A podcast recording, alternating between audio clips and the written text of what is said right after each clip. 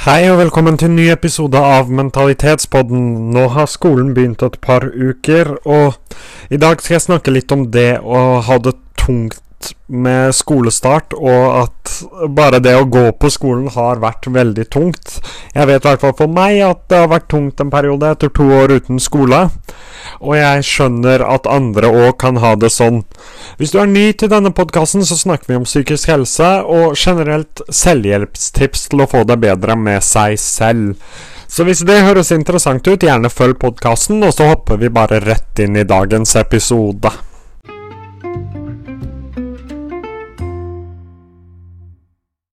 Skolestart kan være tøft. Ikke nødvendigvis de første ukene, for da går som oftest alt lett. Men når du begynner å få en hel haug prøver og en del ting du må få gjort i løpet av en dag, så kan det fort bli veldig mye, og veldig mye stress.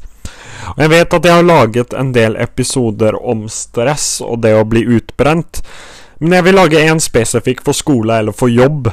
Uh, fordi det er ofte der mye av stresset kommer fra. Det var i hvert fall det for meg.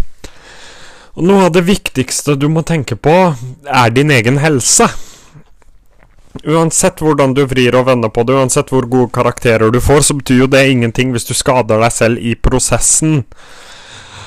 Og jeg har ikke helt skjønt hvor alt dette presset kommer fra. Litt kommer jo fra familie, foreldre, noe kommer fra sosiale medier, nyheter, du ser folk som har fått toppkarakterer. Noe kommer jo fra at du hører at uten toppkarakterer så kommer du deg ingen vei, og noe kommer fra av og til litt dårlige sosiallærere og rådgivere, og lærere for så vidt.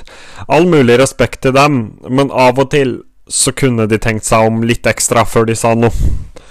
Um, karakterer er ikke alt i livet ditt. Jeg vet det høres veldig vanskelig ut. Jeg vet at det kanskje ikke gir mening med en gang, men hear me out.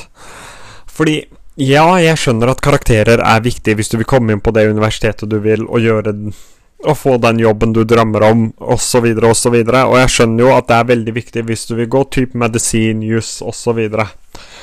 Men det fins jo mange måter å få jobber på, og man trenger ikke nødvendigvis å stresse over hver eneste prøve, for det husker jeg veldig godt.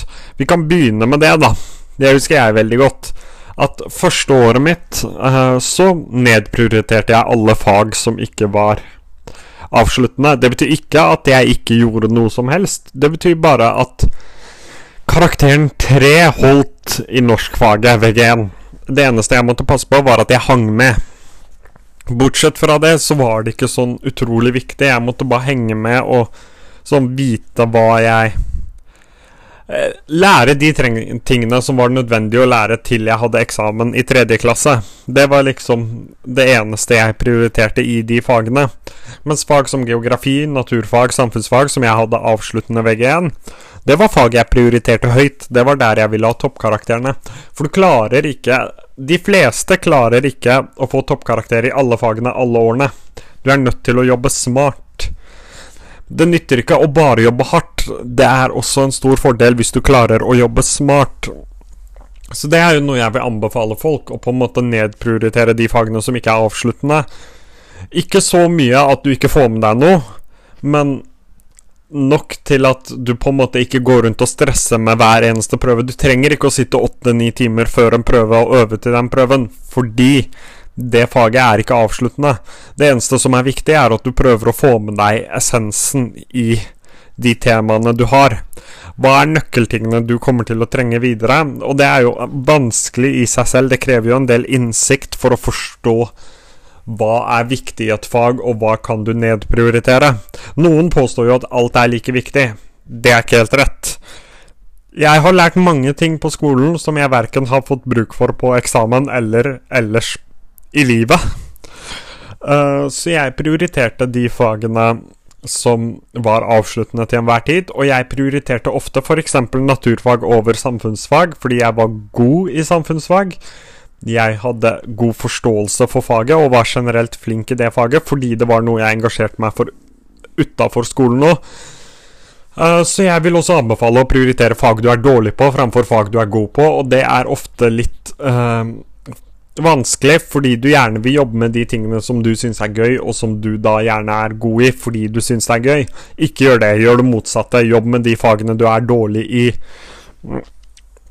Det gjør at du istedenfor å måtte jobbe seks timer med samfunnsfag og så seks timer med naturfag, så kan du f.eks. jobbe to timer med samfunnsfag og så åtte timer med naturfag, og så har du fortsatt litt tid igjen. Prioriter riktig, og pass på at du ikke detter ut av de avsluttende fagene underveis i året. Hvis du går for skippertaksmetoden, ja, kanskje det fungerer på videregående, men det kommer til å spise deg opp når du kommer på universitet og høyskole. Eh, jeg snakker av erfaring. Så pass på at du ikke detter ut av fagene. Men kanskje mitt aller viktigste tips, og det jeg er mest engasjert for, er at en karakter, uansett fag, uansett skole, uansett hva du gjør En karakter beskriver ikke hvor god du er. Du kan være utrolig god i andre ting som skolen ikke nødvendigvis uh, dømmer eller mener er viktige egenskaper, som arbeidslivet mener er viktige egenskaper, blant annet det med samarbeid. Samarbeid blir jo bare viktigere og viktigere i arbeidslivet, og der er jo det en god egenskap å være en god person som folk liker. Mm. Og bare det å være snill, egentlig, og bry deg om de rundt deg, det er jo en god egenskap å ha med seg også i arbeidslivet, selv om skolen velger å ikke teste det. Ikke at jeg vet hvordan man skulle testa det og gitt karakter på det, men dere tar poenget. Ikke la én karakter, uansett fag, uansett skole, definere deg. Det fins andre måter å få seg en jobb på. Ja, selvfølgelig skal du studere medisin eller juss, så må du jo ha karakterene til å komme inn på studiet. Men skal du jobbe innenfor f.eks. privat næringsliv, da, rådgiver, leder osv., så, videre, så kan det også være mulighet å jobbe seg oppover i eh, rangen. Og noe av det verste jeg vet, det er ikke kødd engang, noe av det verste jeg vet, er når folk sier negative ting om en person som bare har en drøm om å jobbe seg oppover i en dagligvarebutikk. Fordi vi trenger de òg.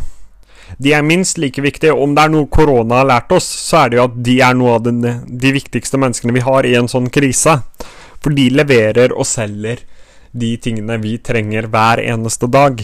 Og vi trenger også mennesker som elsker å jobbe med det. Jeg kjenner flere som elsker å jobbe med det. Jeg personlig kunne aldri ha gjort det fordi det, Jeg liker ikke å selge, egentlig.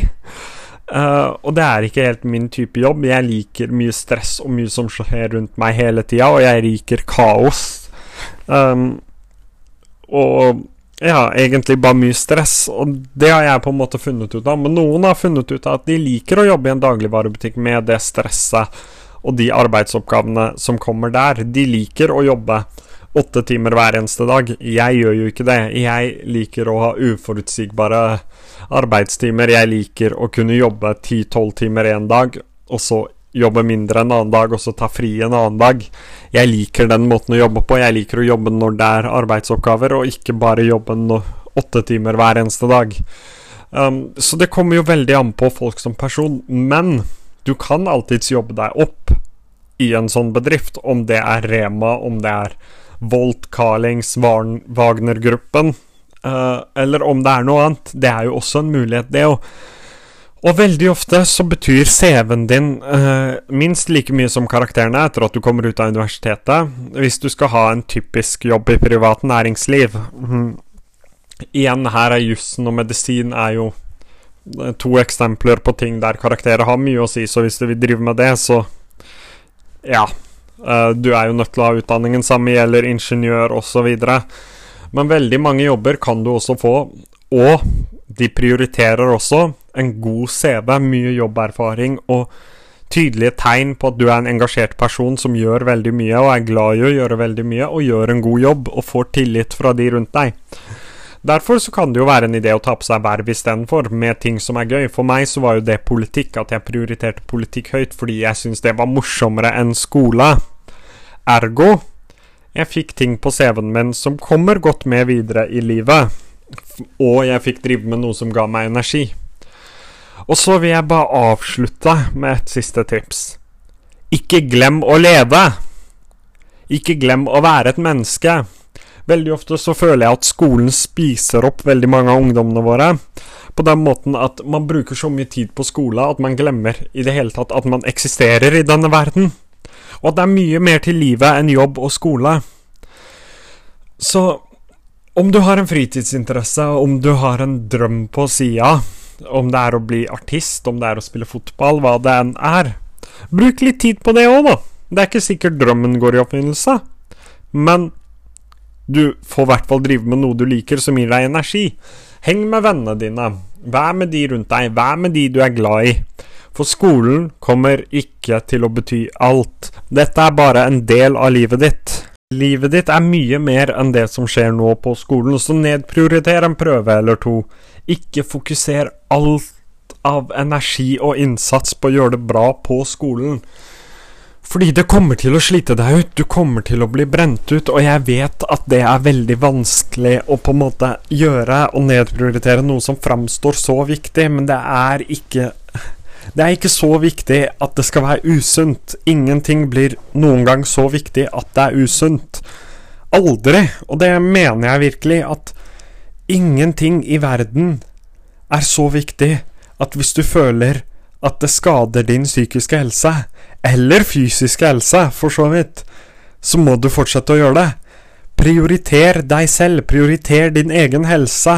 For hvis du har det dårlig med deg selv, enten fysisk eller psykisk, så kommer ingen til å vinne.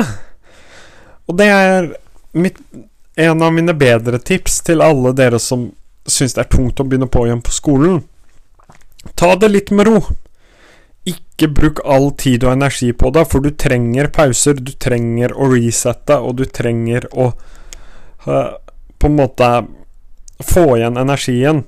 Få litt glede. Det er jo veldig sjelden gledelig å sitte med 16 timers skolearbeid. Det vet jo jeg veldig godt. Så pass på at du henger med i fagene. Prioriter og ta vare på deg selv. Det er kanskje de viktigste tingene du kan gjøre for å overleve en tung skolegang.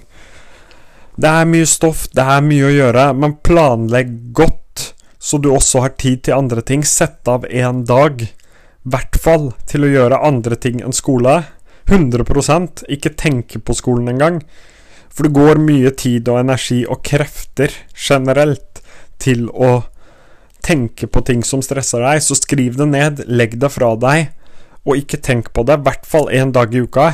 Helst to-tre, men i hvert fall én. For det som ofte er problemet med skolen i forhold til jobb, er at Unnskyld. Når du er ferdig på skolen, så er du ikke ferdig. Du har fortsatt lekser og prøver osv. Når du er ferdig på jobb, så er du faktisk ferdig på jobb, veldig ofte.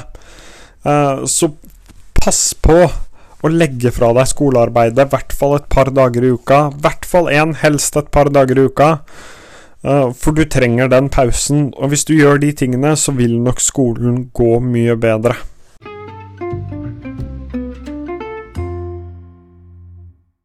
Tusen takk for at du hørte på dagens episode av Mentalitetspodden. Som vanlig så er det bare å ta kontakt med meg hvis det skulle være noe. Da er det Daniel Por ASG, D-A-N-I-E-L, P-O-U-R, ASG på Snapchat.